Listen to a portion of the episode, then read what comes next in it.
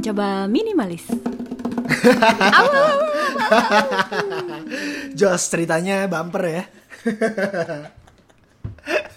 bagus semangatnya bagus. Betul, semangatnya Jos dengan kabinet baru gitu. Semangat baru. Selamat datang guys di Mencoba Minimalis Podcast. Membuat ruang untuk hal-hal yang bermakna dengan mengurangi yang tidak perlu. Yes, di sini ada Avo. Ada Puri. Hari ini kita akan ngomongin tentang menjadi lebih produktif dengan memakai 3 MTS. Eh, 3 MITs. Kebalik. Jadi apa sih ini 3 MITs ini? Nanti kita akan uh, obrolin ya Pur ya. Jadi itu tuh metode yang sebenarnya Avo sama uh, gue juga baru tahu Yes. gitu dan baru diaplikasikan terakhir-terakhir ini. Iya, sepekan terakhir ini ya. Gue juga mencoba. Mencoba betul. mencoba aja terus gitu. Nah, uh, sebelum kita bahas apa itu metode M, uh, 3 MITs, kemarin tuh kita sempat nanya loh sama temen-temen uh, mencoba minimalis Yes. lewat DM. Yes. Dari 5000 yang Wah. udah masuk, kita akan bacain beberapa aja. Beberapa aja. Nanti karena kalau lima ribu lima ribunya nanti bisa habis nanti. Waktunya ya kan datanya bisa jadi 2 terabyte gitu ya kan. Anywho, sebelum lu tahu uh, metode 3 MITs ini, Vo, lo kalau ngejalanin hari kayak gimana? Oke. Jujur gue nih termasuk orang yang eh, apa-apa tuh harus ada checklistnya pur gitu. Jadi dan eh, fortunately gitu fortunately checklist gue ini melimpah gitu. Jadi setiap hari itu eh, apa to do list gue itu selalu selalu banyak gitu. Baik itu hal-hal yang memang sifatnya major atau hal-hal yang memang sifatnya perintilan gitu dan jujur makin ke sini gue makin merasa kayaknya harus dirubah nih habit gue nih dalam menjalani hari-hari gue Terus, nih gitu. Jadi dari yang eh, apa to do list yang premier sampai Yes. yang tersi- tersier, Yes. lu taruh di satu kertas yang sama. Taruh di satu kertas yang sama, dikategorisasiin sih. Jadi gue bikin kategorinya tapi ditaruh di satu kertas yang sama atau di satu note yang sama. Jadi sering kali kalaupun gue naruhnya misalnya di handphone gue, itu pasti uh, di, di scrollnya agak banyak, agak panjang tuh. Anda Monica Geller atau Anda Virgo? Ada Scorpio yang ke Virgo Virgoan kayaknya Saya ya. Scorpion yang koleris gitu. Jadi untuk hal-hal kayak gitu eh, apa ya? Ya sebetulnya sih bagus karena maksudnya setidaknya saya punya kesadaran gitu ya untuk bisa oke ini gue harus bikin reminder system buat diri gue sendiri nih. Tapi ternyata dari kuantitas reminder yang ditulis ya cenderung banyakan skip sih jujur. Daripada yang dicentang. daripada yang dicentang gitu. Jadi in the end of the day, every single day itu gue merasa lebih banyak yang eh, nggak tercentang daripada yang tercentang. Jadi kayaknya harus gue harus melakukan sesuatu nih terhadap hal ini. Nah di akhir hari ketika lo kalau review si kertas atau note itu di handphone lo dan lo menyadari bahwa lebih banyak yang nggak kecentang, lo membuat membuat lo lebih happy, biasa aja atau jadi mengetuki diri sendiri. Ber- Lagi-lagi berhubung karena gue ini koleris ya, jadi self drivennya terlampau kenceng dan sering kali eh, apa eh, keras sama diri sendiri. Jadi ya gue lebih banyak merutuki diri sendiri Oh, gitu. tidak. Untungnya sekarang sudah bertemu dengan kakak Puri di sini gitu. Jadi semoga bisa mendapatkan pencerahan nih gitu ya. Salah, Anda harus ketemu kakak Seto. Oh, kakak Seto lebih ya. kompeten memberikan nasihat ya. Kalau saya ini tidak kompeten ini. Anywho, tapi gue bisa relate sih, karena gue juga mengalami fase Gimana, itu. gimana? Lu sendiri gimana, Walaupun gue nggak akan sampai checklist gue, nggak akan sampai satu halaman kertas folio sih. Itu gok sih gue. Tapi emang Tapi sama gimana, bahwa gimana? kita tuh uh, punya kecenderungan keras kepada diri sendiri yang akhirnya di akhir hari pas lihat ada yang nggak kecentang atau justru banyakan yang nggak kecentang, lu jadi kesel. Kesel. gitu kan. Gemes, kesel, zebel gitu ya kan. Dan merasa nggak berhasil Eh, gitu. bener banget. Maksudnya akhirnya eh, untuk nyusun hari selanjutnya kita bisa jadi entah itu kita jadi lebih pesimis atau energi kita udah habis gitu kan atau jadi lebih banyak parnonya gitu ya kan. Itu gue relate, eh, setuju. Ada yang merasa hal yang sama? Cie, nanti cerita-cerita lagi di DM ya. Boleh, boleh. Nah, Nah. tantangan gue sama nih. Eh, kalau tadi kan kita ngebandingin hari-hari yang kita jalani sebelum tahu ada teknik 3 MITs. Yes. Selain gue bisa relate apa yang Avo udah jalanin, gue juga punya satu permasalahan yaitu multitasking. Oke. Jadi eh ada yang bilang bahwa perempuan punya kemampuan multitasking Betul, besar, naturally. uh, secara natural gitu. Tapi gue baru menyadari bahwa itu uh, ada biaya yang harus dibayar. It came with a cost gitu ketika lo multitasking. Oke. Dan gue uh, menemukan satu kayak jurnal atau penelitian yang mengatakan itu. Ntar linknya gue share di uh, description podcast ini. Boleh. Jadi ternyata dengan kita multitasking itu tuh ada biaya yang harus dibayar tanda kutip mental juggling. Nah, Wih, apa itu? jadi untuk hal-hal yang eh, nggak pakai mikir mendalam, misalnya kayak lo ngangkat telepon sambil lo browsing misalnya Facebook lo gitu. Oke. Itu memungkinkan gitu kan. Oke. Maksudnya, oh ya udah gue eh, scroll down Facebook gue sambil gue nggak telepon, terima telepon dari Avo misalnya. Oke. Tetapi semakin eh, lo naik level eh, tugas lo yang harus lo jalanin, itu eh, ternyata lo butuh waktu untuk switch dari satu hal ke hal lain dan semakin kompleks, maka waktu yang dibutuhkan untuk tadi gue ngapain ya? Gue harus ngapain? Itu lebih panjang. Oke. Jadi itu sebenarnya mem- membuang waktu tanda kutip. malah gitu. jadi nggak produktif ya? malah jadi nggak produktif oke, oke. gitu. Wih, iya juga sih. Iya juga. Tadi gue ngapain? Tadi gue ngapain? gitu terus ya. Skipnya, skipnya tuh lebih ah, panjang. Oke, oke. panjang gitu Wih, oh ya bener juga gitu Iya, iya, iya, iya. apalagi dalam kita kerja di laptop eh lu ngebuka tab bisa lebih dari lima nggak Wah. di atas 15 biasa. ngeri, Jo. Jadi ya, ngeri. dan- dan itu rapet maksudnya- gitu, sampai rapet itu gitu. ternyata juga memakan itu yang dimaksud multitasking eh, skala kalau lo kerja di laptop gitu kan tadi lo buka ini sekarang buka itu untuk mungkin dua peruntukan yang berbeda gitu Iya. abis itu ya udah lo makan waktu aja gitu lo nggak kelar lo balas email enggak lo bikin proposal enggak Yes. nggak ke mana-mana aja terus Ah. tiba-tiba 30 menit udah habis gitu Tahu-tahu lo browsing YouTube yang isinya Centipede versus Scorpion gitu ya kan. Padahal lo tadinya mau riset soal apa gitu. Tuh pernah ada yang wondering sampai sejauh itu nggak ya kan?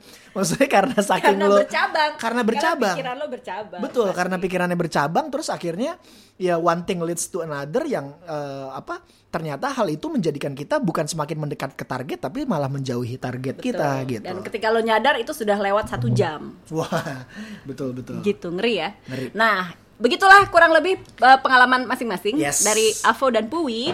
Uh, Kita Nah. mau nyapa dong yang udah DM uh, Jadi ada beberapa teman-teman kita nih yang sesama mencoba minimalis. sesama mencoba minimalis. Kita tidak akan menyebutkan eh, namanya, sebut saja namanya kaktus, bunga, kemboja.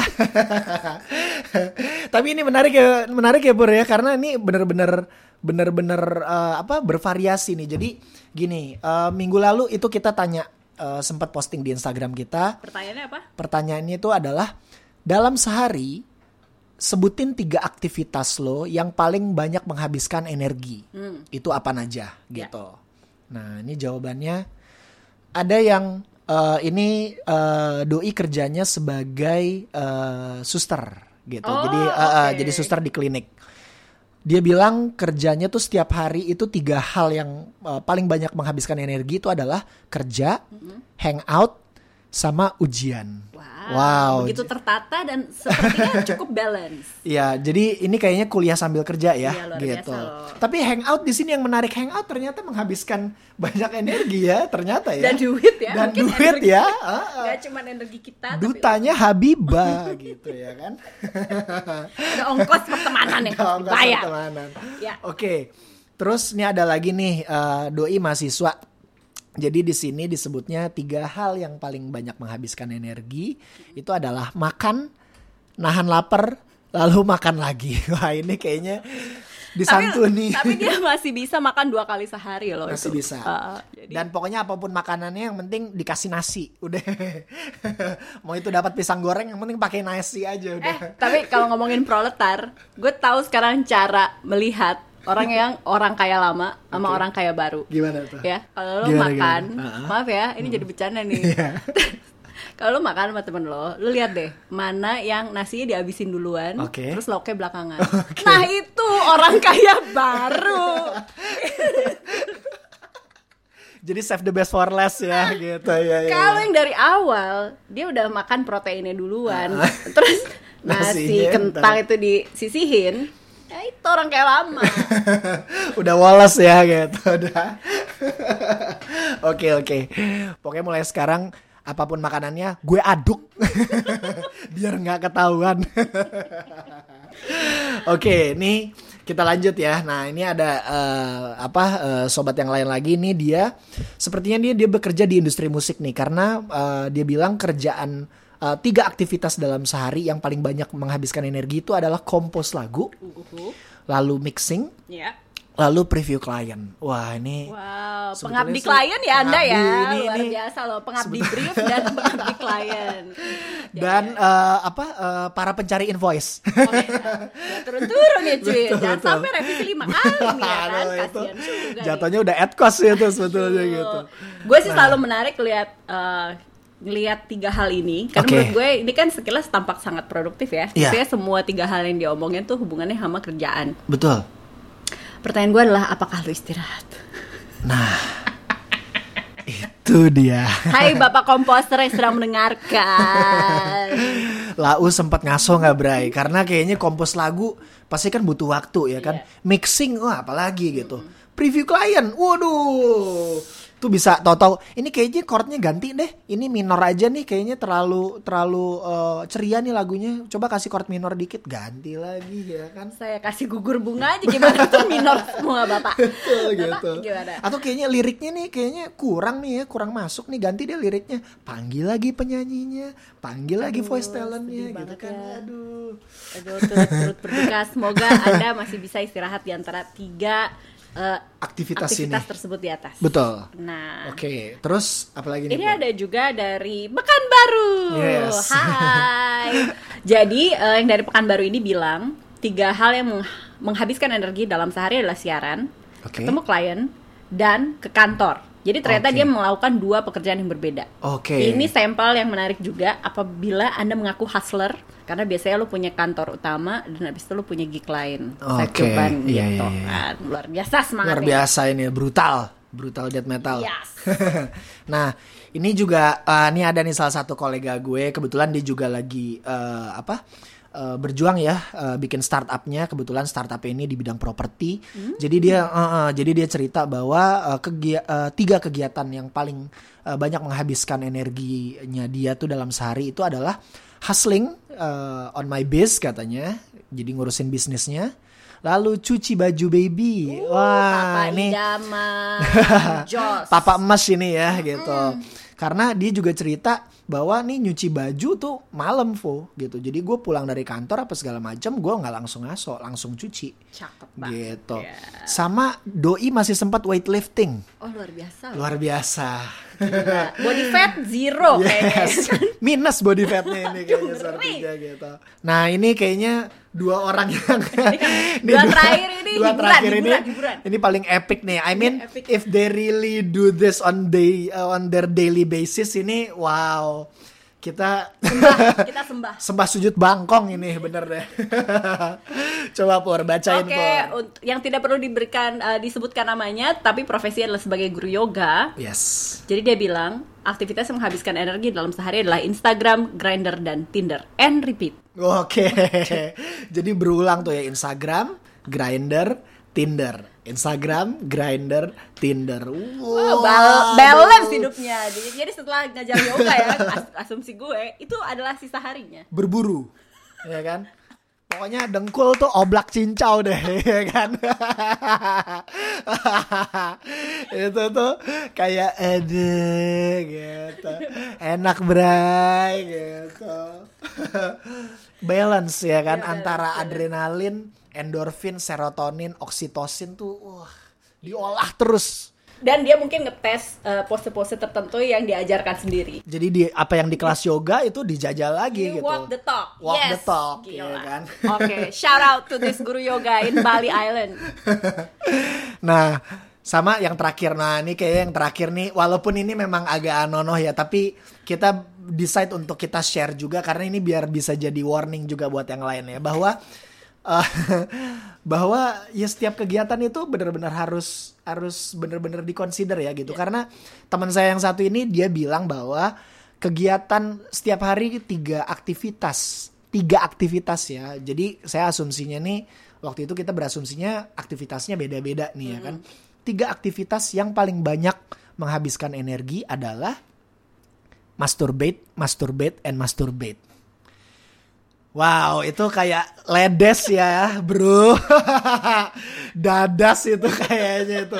And seriously, on a more serious note, you should seek for for help sih ya. Eh, terima kasih. Oh, thank you for sharing. Terima kasih loh Ya sudah Allah, sharing gitu. Ya ampun. Nah, Nah, kalau ngelihat itu tadi ngelihat- DM yang masuk itu tadi kita ya? DM yang masuk ya dan menarik ya. Maksudnya eh, banyak dari mereka juga ada yang memang tiga kegiatannya ini masih berkutat di seputar kerjaan. Benar. Tapi ada juga eh, kegiatan ini yang memang eh, selain kerjaan juga ada urusannya sama family matters juga gitu ya kan gitu. Nah, ini ada quiz ya, ada Ya. quiznya nih. jadi sebelum kita masuk ke apa yang dimaksud metode 3MITs. Yes. Ini tuh sebenarnya gue sama Avo mendap- mendapat metode ini dengan baca buku Essentialism yang ditulis sama Greg McKeown. Yes. Eh, ini New York Times bestseller, Wall Street Journal bestseller juga. Oke. Nah, dia itu bikin quiz Oke. Jadi, Jadi- ini ini quiznya ini hal-hal yang bisa ditanyakan kepada diri sendiri. kepada diri sendiri gitu. Yes. Jadi kalian bisa mulai oke kira-kira gue ini nggak? Kira-kira ini gue nggak sih Iya. gitu. Kamu apakah Anda sudah siap? Yes. Oke, pertanyaannya cuma ada berapa nih? Lima kok. Ada lima. Ya. Oke. Siap-siap. Pertanyaan pertama. Have you ever felt the urge to declutter your work life? Beberes kehidupan profesional atau karir lah gitu. Oke. Jadi pernahkah kamu merasa ada keinginan untuk eh, menata kembali gitu ya pekerjaan dan kehidupan kamu? Yes. Ya, diam dulu. Nah, Resapi dijawab dulu. sendiri. Yes. Pertanyaan kedua. Pertanyaan kedua. Do you often find yourself stretched too thin? Bahasa gampangnya ngerasa kelabakan gitu. Oke, pernah nggak sih kamu ngerasa bener-bener aktivitas yang kalian jalanin selama ini itu cenderung bikin kalian jadi kedet-kedet gitu, nggak nggak optimal gitu ya kan? Kedet-kedet. ya. eh, eh. Oke, Abah Avo kedet-kedet. Ya. Sekarang eh, pertanyaan yang ketiga. Do you simultaneously feel overworked and underutilized? Jadi kecapean, Oke. tetapi lo nggak memaksimalkan potensi lo. Gila. apakah Gila. pernah apakah pernah merasa, Merasa kayak gitu ya? kayak gitu. Merasa kecapean tapi nggak nggak optimal gitu Iya. ya? Oke. Ayo, coba direndungkan. krik krik krik krik. Nah, yang keempat agak mirip sama yang di atas juga nih. Oke. Are you frequently busy but not productive? Apakah kamu sibuk tapi nggak produktif? Beda ya? Nah, beda. sibuk tuh belum Oke, ini belum contohnya. tentu produktif ya coba coba Contohnya, kalau lo adalah seorang manajer yang harus memberikan arahan-arahan strategis kepada tim lo, oke gitu. Terus lo menghabiskan 50% waktu lo membalas email, oke tapi sisanya meeting, oke terus baru yang 30% berpikir strategi. Nah, itu artinya lo sibuk tapi kurang produktif dengan peran lo. oke jadi ya cuman beraktivitas aja eh, ada mobilitas di situ tapi nggak nggak menghasilkan apa-apa gitu Ya. Yang terakhir. Do you feel like your time is constantly being hijacked by other people's agendas? Bu- Wah. What? What? What? What? what what what Apakah waktu lo itu justru ngikutin agenda orang lain ketimbang lo tentukan sendiri agenda lo? jadi apakah kita merasa waktunya kita nih kebanyakan abisnya untuk urus ngurusin urusan orang lain ketimbang urusan kita sendiri ya Itu semacam kayak kalau lo lagi PDKT sama orang gitu kan. Terus kalau lo eh ketemu hari ini jam segini yuk nggak bisa gue gitu. Terus ntar tiba-tiba kamu harus ketemu aku sekarang. Aku nggak ada waktu lagi. Nah itu jadi lo ngikutin agendanya dia. Iya iya iya. Bucin sejati itu ya. Pengabdi cinta. Yes. Beda lagi. Oke. Oke, jadi itu lima pertanyaan Yang- yang kita dapatkan dari buku Essentialism Nah. Greg McKeown itu. Eh, dan eh, kalau lo mau udah, udah lo jujur bilang iya atau tidak. Kalau kamu menjawab iya kepada semua, bukan semua, di salah satu atau bahkan semua pertanyaan di atas, maka waktunya kamu belajar satu metode 3MITs. Dia. Jeng jeng jeng. Kirain kalau satu nggak apa-apa. ceng langsung zoom gitu. Ternyata gue jawab tiga tetap harus pakai. Tetap harus pakai Gitu. metodenya nih. Oke oke. Jadi yang gue pelajarin dari 3 MITs itu adalah lo memecah to-do list lo yang tadinya banyak banget Oke. ke dalam tiga saja. Jadi lo channel energi itu ke- kepada tiga aktivitas yang kalau lo contreng tiga aktivitas itu lo lebih dekat dengan tujuan lo.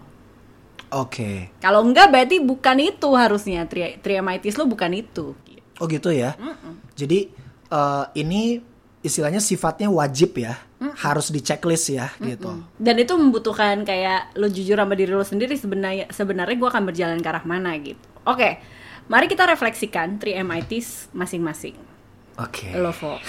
dengan segala ke BM-an lo dan gue juga sih gue juga anaknya BM gitu banyak mau gitu kan tapi kan kita harus realistis waktunya terbatas gitu jadi apa yang membuat tiga hal kalau lo contreng ini membuat lo lebih dekat dengan tujuan lo Oke. Ini juga jujur gue lagi menjalani metode ini nih Pur, seminggu ini nih gitu dan 3 MITs ini membuat gue jadi lebih confident.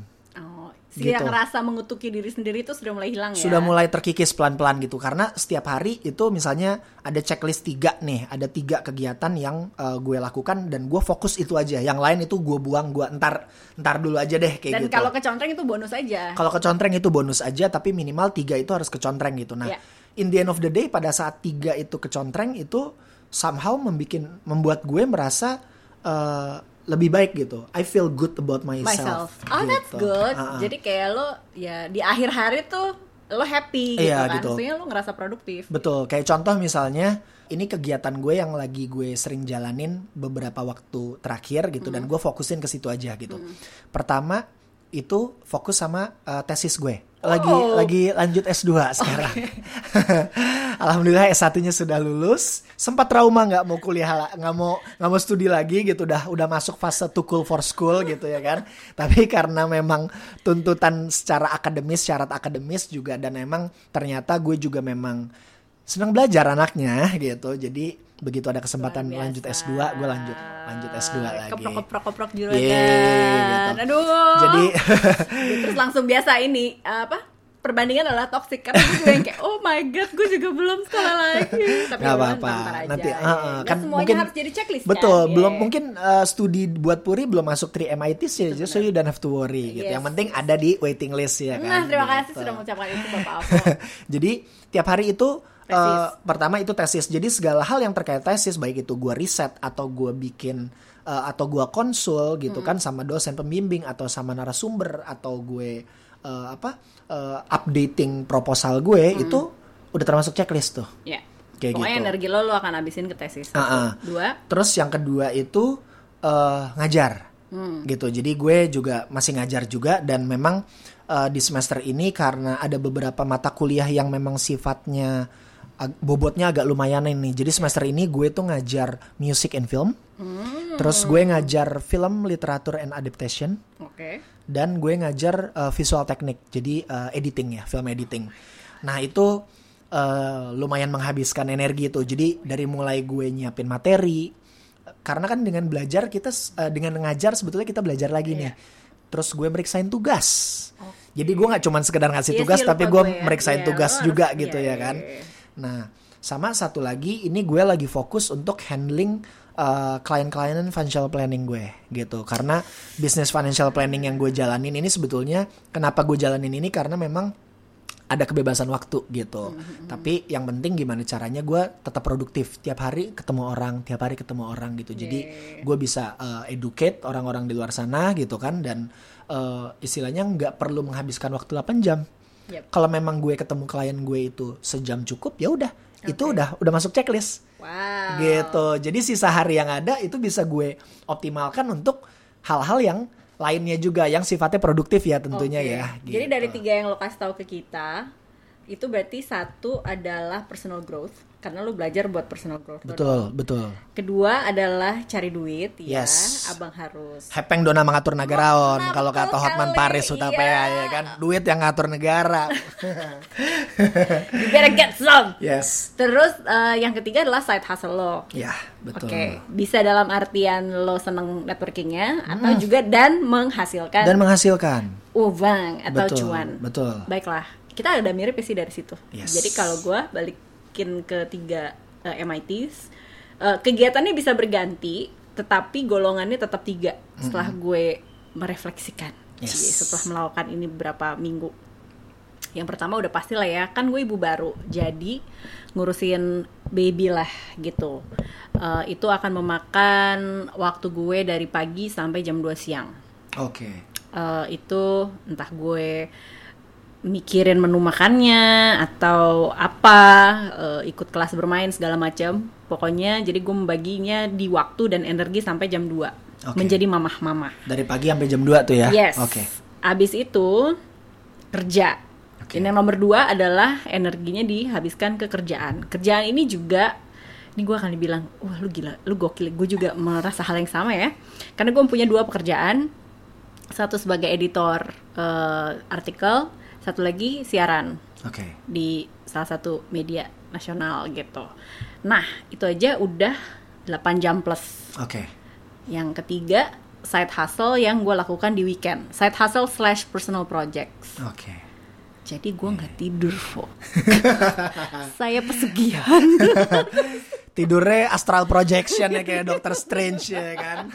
Balik lagi setiap orang kan pasti punya prioritasnya sendiri gitu kan. Pasti punya goalnya sendiri gitu. Nah tinggal lebih ke gimana cara teman-teman memilahnya aja sih gitu dalam arti bukan berarti yang tidak termasuk 3 MITs ini eh, terus nggak usah nggak usah dipedulikan nggak tetap ada di waiting list tapi gimana teman ngejaglingnya Iya. gimana teman-teman ngejaglingnya itu sih gitu Iya. tapi di sini kita coba sharing bahwa per hari itu lakuin tiga aja deh gitu. Iya. Kalau cuma dua gimana? Ya bikin jadi tiga, gitu. Bikin jadi tiga. Cari hal lain. Maksudnya kayaknya kalau ngelihat kehidupan hari gini ya nggak mungkin deh kayaknya nggak nyampe tiga ya. kan soalnya tiga kan nggak cuma professional life aja Betul. bisa personal life juga kayak Betul. tadi tuh ada yang Bisa. olahraga juga masuk list gitu weightlifting masuk list ya Uh-uh. eh masuk list dan gue ngurus anak masuk list Iya. gitu jadi ya silakan mungkin tadi kan tadi ada Instagram, Grindr dan Tinder Wah. itu personal life tiga Personal life. masuk ke 3 MITs. Dia sedang fokus kepada dirinya sendiri, Betul. bukan kehidupan profesionalnya. Betul. Gitu. Profesionalnya bisa jadi ya baik-baik saja. Maksudnya dia sudah bisa melakukan hal tersebut secara seamless.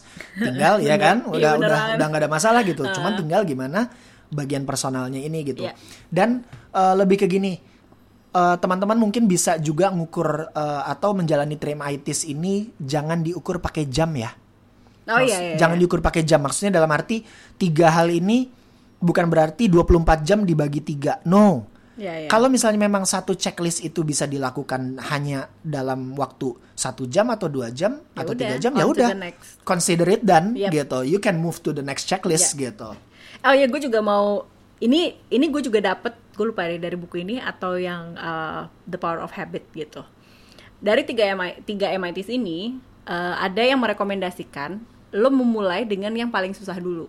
Oke. Tapi gue tahu setiap orang tuh beda. Ah, ah. Kalau lo akan mulai dengan yang paling susah, moderate atau paling gampang hari lo. Kalau gue, Ah. kalau gue selalu memulai sih dengan yang paling eh, cepat atau yang paling mudah. Eh, gue tipe yang nggak suka kalau harus bangun dengan perasaan senep atau bangun dengan perasaan jantungan atau bangun dengan perasaan terburu, terburu-buru bahwa oke gue harus segera ini ini, ini. itu gue nggak suka sih Iya, gitu. Jadi gue pengen Beneran. bangun dengan oke hari ini gue mau ngelakuin ini ini ini ini ini.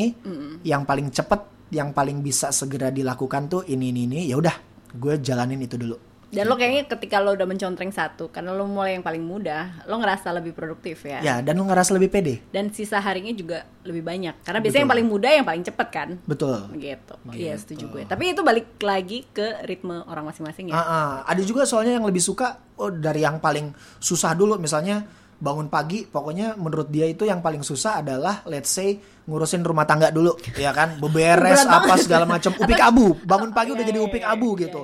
itu dulu karena dia nggak akan bisa mikir balesin email dia nggak akan nggak akan bisa bikin deck proposal apa segala macam kalau urusan rumah tangga belum kelar tuh. Kalau anak udah berangkat sekolah su- uh, suami udah berangkat kantor apa segala macam atau Baru bisa ist- ah, baru yang bisa lain-lain. ngerjain yang lain-lain gitu Iya. itu bisa juga gitu Ya dibutuhkan kejujuran ya Yes. dan menakar kemampuan diri sendiri gitu. Mau mulai yang mana? Yang moderate, paling gampang atau Iya. paling susah? yes Gitu. Baiklah, ini cerita kita di mencoba minimalis podcast episode 1 betul setelah perkenalan. eh, jadi kesimpulannya, metode 3 MITs itu bukan soal banyak-banyakan yang dikerjain dalam waktu singkat. Jadi bukan dalam 24 jam lo ngerjain 24 hal gitu. Enggak ya. Iya. Karena itu akhirnya kita bagi ketiga. yes Atau dikit-dikitan to-do list dalam sehari, enggak juga. Enggak juga gitu karena itu tiga tuh lebih ke udah tiga dulu aja deh Iya. gitu tiga dulu Nggak aja dikit, tapi juga Nggak nggak banyak banget, tapi juga nggak gitu. banyak Yes. banget gitu Um, masuk takeran lah Ah, gitu ya. And it's about getting the uh, getting only the right things done. Ini gue seneng banget. Jadi ini yang ditulis di buku Essentialism. Jadi bukan soal banyak-banyakan atau dikit-dikitan. Uh, bukan juga kayak yang Avo bilang eh, otomatis 24 jam dibagi tiga, maka tiap uh, tiap task adalah 8 jam. Tetapi it's only uh, it's about getting only the right things done yang hanya kita yang bisa naker mana yang perlu menghabiskan energi sehingga setiap harinya kita mendekat menuju tujuan. yes Tujuan saya masuk surga. Betul. Maka Anda harus apa kira-kira bertobat, bersedekah.